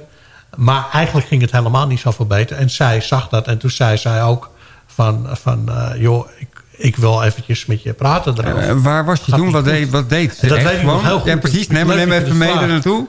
Wij waren... eh, wij reden in de auto. We zaten in de auto. Ik had... eh, volgens mij had ik eh, concertkaartjes. Daar wilde ik niet naartoe. Ik weet niet meer welk concert dat was. Dat moet ik wel toegeven. Maar die heb ik aan mijn zus gege- zusje gegeven. En we hadden afgesproken op het parkeerterreintje... waar nu Jin Lau zit in Haarlem. Die, uh, die vreedschuur. en, en toen we daar terug, van terugrijden naar huis... toen zei zij tegen mij van... van nee, er moet wat gebeuren. Dat gaat niet goed. Ik wil met je praten erover. Ik wil dat je wat gaat doen. En dat heeft mij zo geholpen. Maar gewoon, je zaten in de auto en ja. op een gegeven moment... ze hebben niet de auto aan de kant gezet. Dus je zijn niet ter plekke. Jullie hebben gewoon dat... En toen zijn jullie gaan zitten. Ja, ja en op, op de eind van die kwam dat binnen bij mij. En, en de, ook het besef van, van shit. Zo kan het niet. Ja. Moet wat gebeuren. En dat, godzijdank heb ik dat gedaan. Ja. En toen ben ik... Uh, ik ben opnieuw naar de psychiater uh, gegaan. Ik heb ook antidepressiva gekregen. Uh, ik heb heel veel gepraat. Ik heb heel veel dingen zelf zelf gedaan. Dus dus veel ja, dingen ondernemen. Toch leuke dingen proberen, proberen te doen. En ik, ik ben daar uitgekomen uiteindelijk. Ja. En, maar wel, ook omdat zij iets signaleerde en volhield. En zei van ja verdomme, nu is het klaar. gebeuren.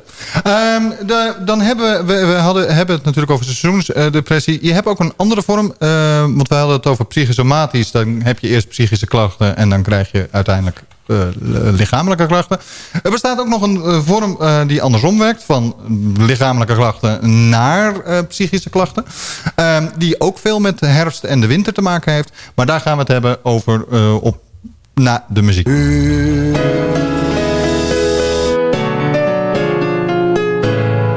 Luistert naar Zandvoort aan het woord op ZFM.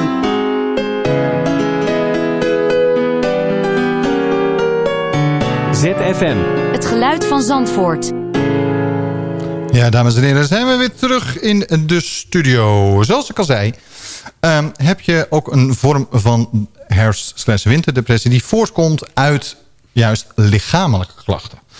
Um, Waarom ik deze aan de kaak stel is um, omdat bijvoorbeeld mensen met reuma... dus een groot voorbeeld waar het vaker bij voorkomt... die krijgen met de kou en de vocht krijgen ze meer last van hun pijnen. Hoe krijg je nou, want jij bent ook uh, hoe heet het, uh, ambulant medewerker... dat soort mensen eruit? Want hun depressie komt vaak voort uit letterlijke fysieke pijn. Uh, mensen met... Hoe heet dat nou? Uh, dis, dysfro nou, ik kan het nooit uitspreken. Uh, wekendelenreuma. Um, Fibromyalgie. Dank u. Uh, uh, en je hebt nog zo'n bijvorm ervan die ik helemaal niet uit... nee. Die, die, die kan ik helemaal niet uitspreken. Er is nog eentje die is dan meer op de spieren en iets minder op de, uh, hoe heet het, wekendelen. Um, die, die mensen die krijgen juist heel veel pijn in de komende periode. Maar dat is ook verschillend per persoon. Dat is ook verschillend, ja. Ik heb ook een diagnose fibromyalgie. Mm Ik moet eerlijk zeggen, ik heb een heel revalidatietraject daar gevolgd. En er zijn ook andere onderliggende oorzaken voor... waardoor het getriggerd kan worden. En dat wil niet altijd zeggen dat het weer... Nee, oké, maar dat, dat, dan heb je het over het medische aspect. Het gaat mij er even om. Dit soort mensen die met veel pijn... of het nou, ik noem deze voorbeelden omdat het de meest makkelijker zijn... die worden uit fysieke pijn worden ze depressief. Hoe help je dat soort mensen? Ja, dat is een hele goede vraag. Ik, eh, ik heb daar zelf niet zoveel ervaring mee, moet ik zeggen. Nee. Ook niet vanuit mijn uh, ambulante, ambulante werk. Um, ik denk dat, dat uh, ja, depressief worden omdat je, omdat je pijn hebt... Ja. Uh, is natuurlijk heel lastig te bestrijden. Want dat betekent dat je de pijn moet bestrijden. Het is denk ik naar mijn idee, maar dat is echt, echt puur mijn idee... lijkt het mij onzin om iemand die, uh, die zich niet lekker voelt... omdat hij zoveel pijn heeft... om die ook nog eens een keertje de antidepressiva door zijn mik te douwen. Het wordt ook gegeven voor pijn, hè? Ja, weet ik, weet ik. Maar daar ben ik helemaal geen voorstander van. Ja, het wordt gegeven voor, uh, om, om te slapen s'nachts. Ja, ja. ja, iemand die chronische pijn heeft... Uh, ik ben er zelf ook eentje van. Mm -hmm. Kijk, je kan in een hoekje gaan zitten... En heel, jezelf heel zielig vinden. En er zijn ook echt wel momenten dat je echt wel zielig bent. Alleen het triggert wel meer pijn. Dat is tenminste hoe ik het heb geleerd. Omdat ja, dat, dat snap ik. Alleen heb ik ook met, je, met je, Omdat je, je hersenen staan um, in werking met je zenuwen. En dat is wat ze je leren in een revalidatietraject. Bijvoorbeeld wat ik heb gevolgd in Heliomare. Is dat dat kan heel erg triggeren. Dus des te negatiever jij gaat nadenken over de pijn... en des te meer je ermee bezig bent... en des te eh, bijvoorbeeld stress kan een oorzaak zijn, maar je, je moet kijken naar het onderliggende. Kijk, als Ja. ik de hele dag ga denken van, oh weet je, ja, ik, ik heb pijn en ik blijf dat maar denken, dan zal het alleen maar erger worden. Ja. Ja, nee, dat snap ik. Want kijk, ik, ik ben een rugpatiënt, ben ik altijd al geweest. Ik heb ooit mijn rug gebroken gehad. Waardoor ik altijd, mijn hele leven zal ik er pijn in mijn rug houden. Nou, er is één mogelijke oplossing, maar dat is nog steeds 50% kans dat de pijn blijft. En 50% kans dat het niet blijft. Dus ik doe het maar niet, want anders kan ik mijn rug nooit meer buigen. Want dan wordt mijn rug letterlijk vastgezet. Het probleem daarvan is, is dat ik altijd pijn heb en dagelijks ermee wakker word. Soms is het erger, soms is het minder erg. Ik zet me eroverheen en ik laat me niet beperken. Ik vind mezelf daar veel te jong voor, et cetera, et cetera. Maar er is ook een groep waarbij het ehm, regelmatig erger wordt. Mm, Door weer, door dat soort dingen. En er is een groep die niet eerder eraan gewend is geweest. En ja, een depressie ligt dan ook nou ja, Op de loer. Op de loer. Ik bedoel, Ja. het is, Ja. wij hebben dan de instelling... Maar ja, goed, heel eerlijk. eh Marije, je bent ook niet iemand die zomaar die jezelf erbij neerlegt. Nou ja, bij ik een ben in punt. Marokko wel gaan liggen. Met als gevolg dat ik mijn bovenarm brak. En uiteindelijk eh, vijf uur in een busje heb gezeten... over een hobbelige weg van Marrakesh naar Agadir... met een gebroken arm die loshing. Ehm ik kan niet aanbevelen. Dat doet wel pijn, ja. Ja, nee, dat Maar, snap ik. maar het is ook wel een int. Kijk, weet je, ik ben nu drie weken onderweg. En Ja. ik, continu zeggen mensen tegen me: Oh, wat erg. En oh, eh, wat zal je een pijn hebben. En oh, wat vervelend. En oh, jij hebt ook altijd pech. Maar ik zie het niet zo. Het enige Nee. wat ik zie is dat ik vet veel mazzel heb gehad. Dat ik het niet veel erger is geweest. En dat ik mazzel heb gehad. Dat ik sterk genoeg was. En dat ik bij bewustzijn was. En dat ik nuchter bleef. En dat ik Jawel, oké, dat, is snap een, ik. Het is een, kijk, ik heb dat in het traject gezeten in 2016. En dan kom je daar in een groep te zitten. En iedereen heeft pijn. En iedereen is eigenlijk depressief. Want het leven stopt op het moment dat jij heel veel pijn hebt. Stopt het leven een beetje. Want je Ja. kan niet, het is heel moeilijk om te gaan functioneren als je pijn hebt. Maar wat je... Kijk, en of het nou een psychische... Kijk, fibromyalgie wordt veel vaker onder psychisch ook gezet. Of dat het... Kijk, ik heb een vriendin dan met reuma. En dat is echt heel naar. Want Mhm. die heeft daar lichamelijk echt heel veel klachten van. Ehm, maar ook zij probeert altijd nog steeds het positieve uit het leven te halen. Zij Jawel, ook maar goed, dat is, dat, is, dat is instelling. Daar heb, geef ik je gelijk in. Maar mensen die te horen krijgen dat ze nog maar twee jaar te leven hebben. Mensen die eh, nu met, met de herfst eh, veel meer pijn krijgen. De ene kan dat inderdaad wel. Die kan zeggen, ik eh, ga toch het mooiste doen. Ik ga, al dat soort dingen. Een ander kan dat niet. Mijn vraag is letterlijk... Deze, er is ook een groep mensen die door de pijn depressief wordt. Wij zijn dan mensen die dat niet worden. Maar het gaat mij nou om de mensen die het wel worden. Hoe help je die? Ik word echt wel eens depressief ervan hoor. Ik denk echt, Jawel, maar depressief het is allemaal- natuurlijk... Ik, ik heb het echt over maanden of over een paar weken echt depressief. Dus een heel lange periode. Daar heb ik het over. Hoe help je dat soort mensen? Nee, je kan ze sowieso niet van de pijn afhelpen. Nee, daarom. Dat sowieso niet.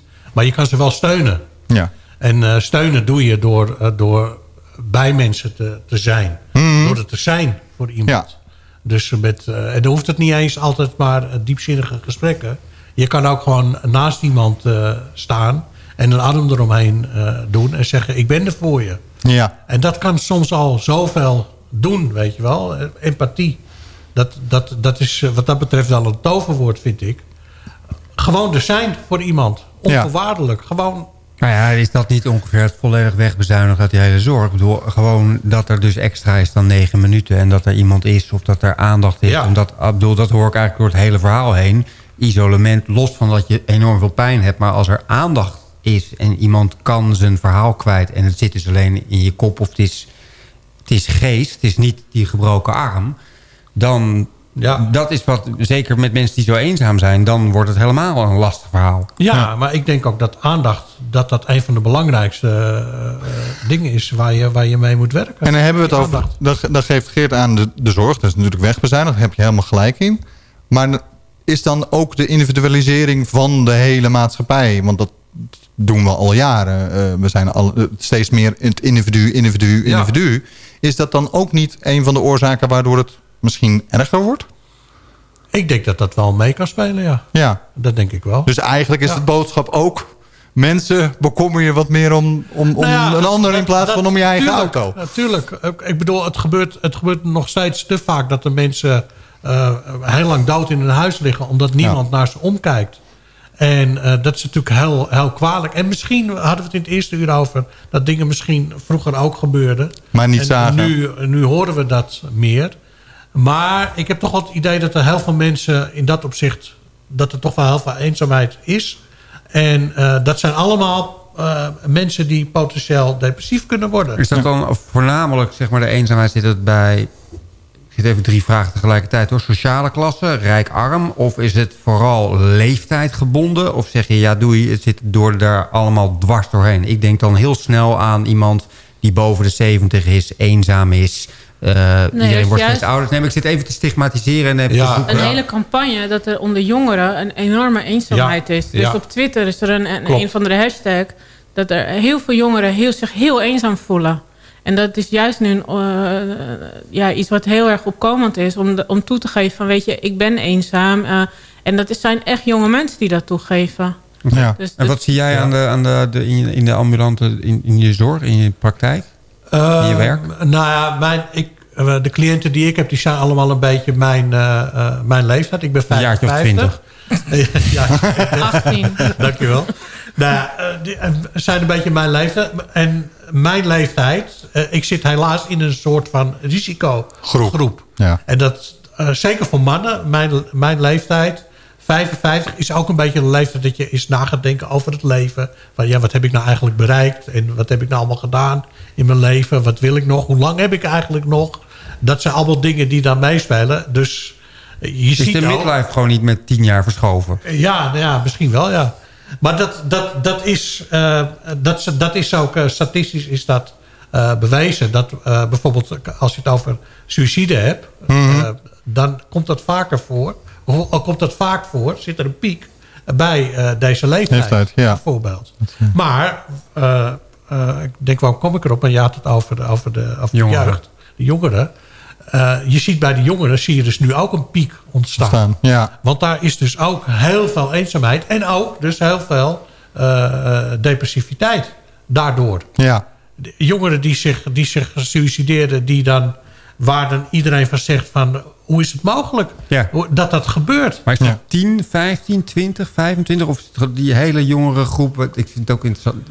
Hij komt wel steeds jonger voor natuurlijk. Ja, en dan heb je het- ook over cyberbullying. Dan heb je het over... eh, Ja. Ik denk dat pest een grote eh, oorzaak kan zijn. Ja, Maar je ziet het ook onder de influencers. Om het Ja. even zo tussen haakjes. Die er steeds meer uitvallen met burn-out. Omdat ze de druk niet aankonden. En uiteindelijk, nou ja, je hebt het verhaal ook wel eens gehoord... Met een influencer waarvan jij denkt van... nou, die heeft alles. Ja. Ehm, maar dat is het plaatje wat we laten zien. Hè? We laten het mooie plaatje zien. We laten zien dat ons leven geweldig is. En ondertussen bezwijken ze onder de druk. Dus dat is ook een hele nieuwe groep die, die, die opkomt. En, En met die woorden sluiten we deze eh, eh, aflevering van Zandvoort aan het woord af, eh, dames en heren. Ik wil mijn gasten heel erg bedanken. Ik vond het een heel fijn gesprek. Veel eh, behandeld. Ehm, wilt u natuurlijk meewerken of deze aflevering terugluisteren? Kijk dan op zfmzandvoort.nl. Ehm, en natuurlijk kunt u ook alle informatie vinden op onze, web, op, onze Facebook pagina eh, Zandvoort aan het woord. Nu krijgen we nog even een nummer specifiek voorop van Ah, leuk. Eva Cassidy, of Eve Cassidy. Eva Cassidy. Eh, dat, dit is een nummer die hem helpt om een beetje uit zijn depressie te komen. U luistert naar Zandvoort aan het woord op ZFM.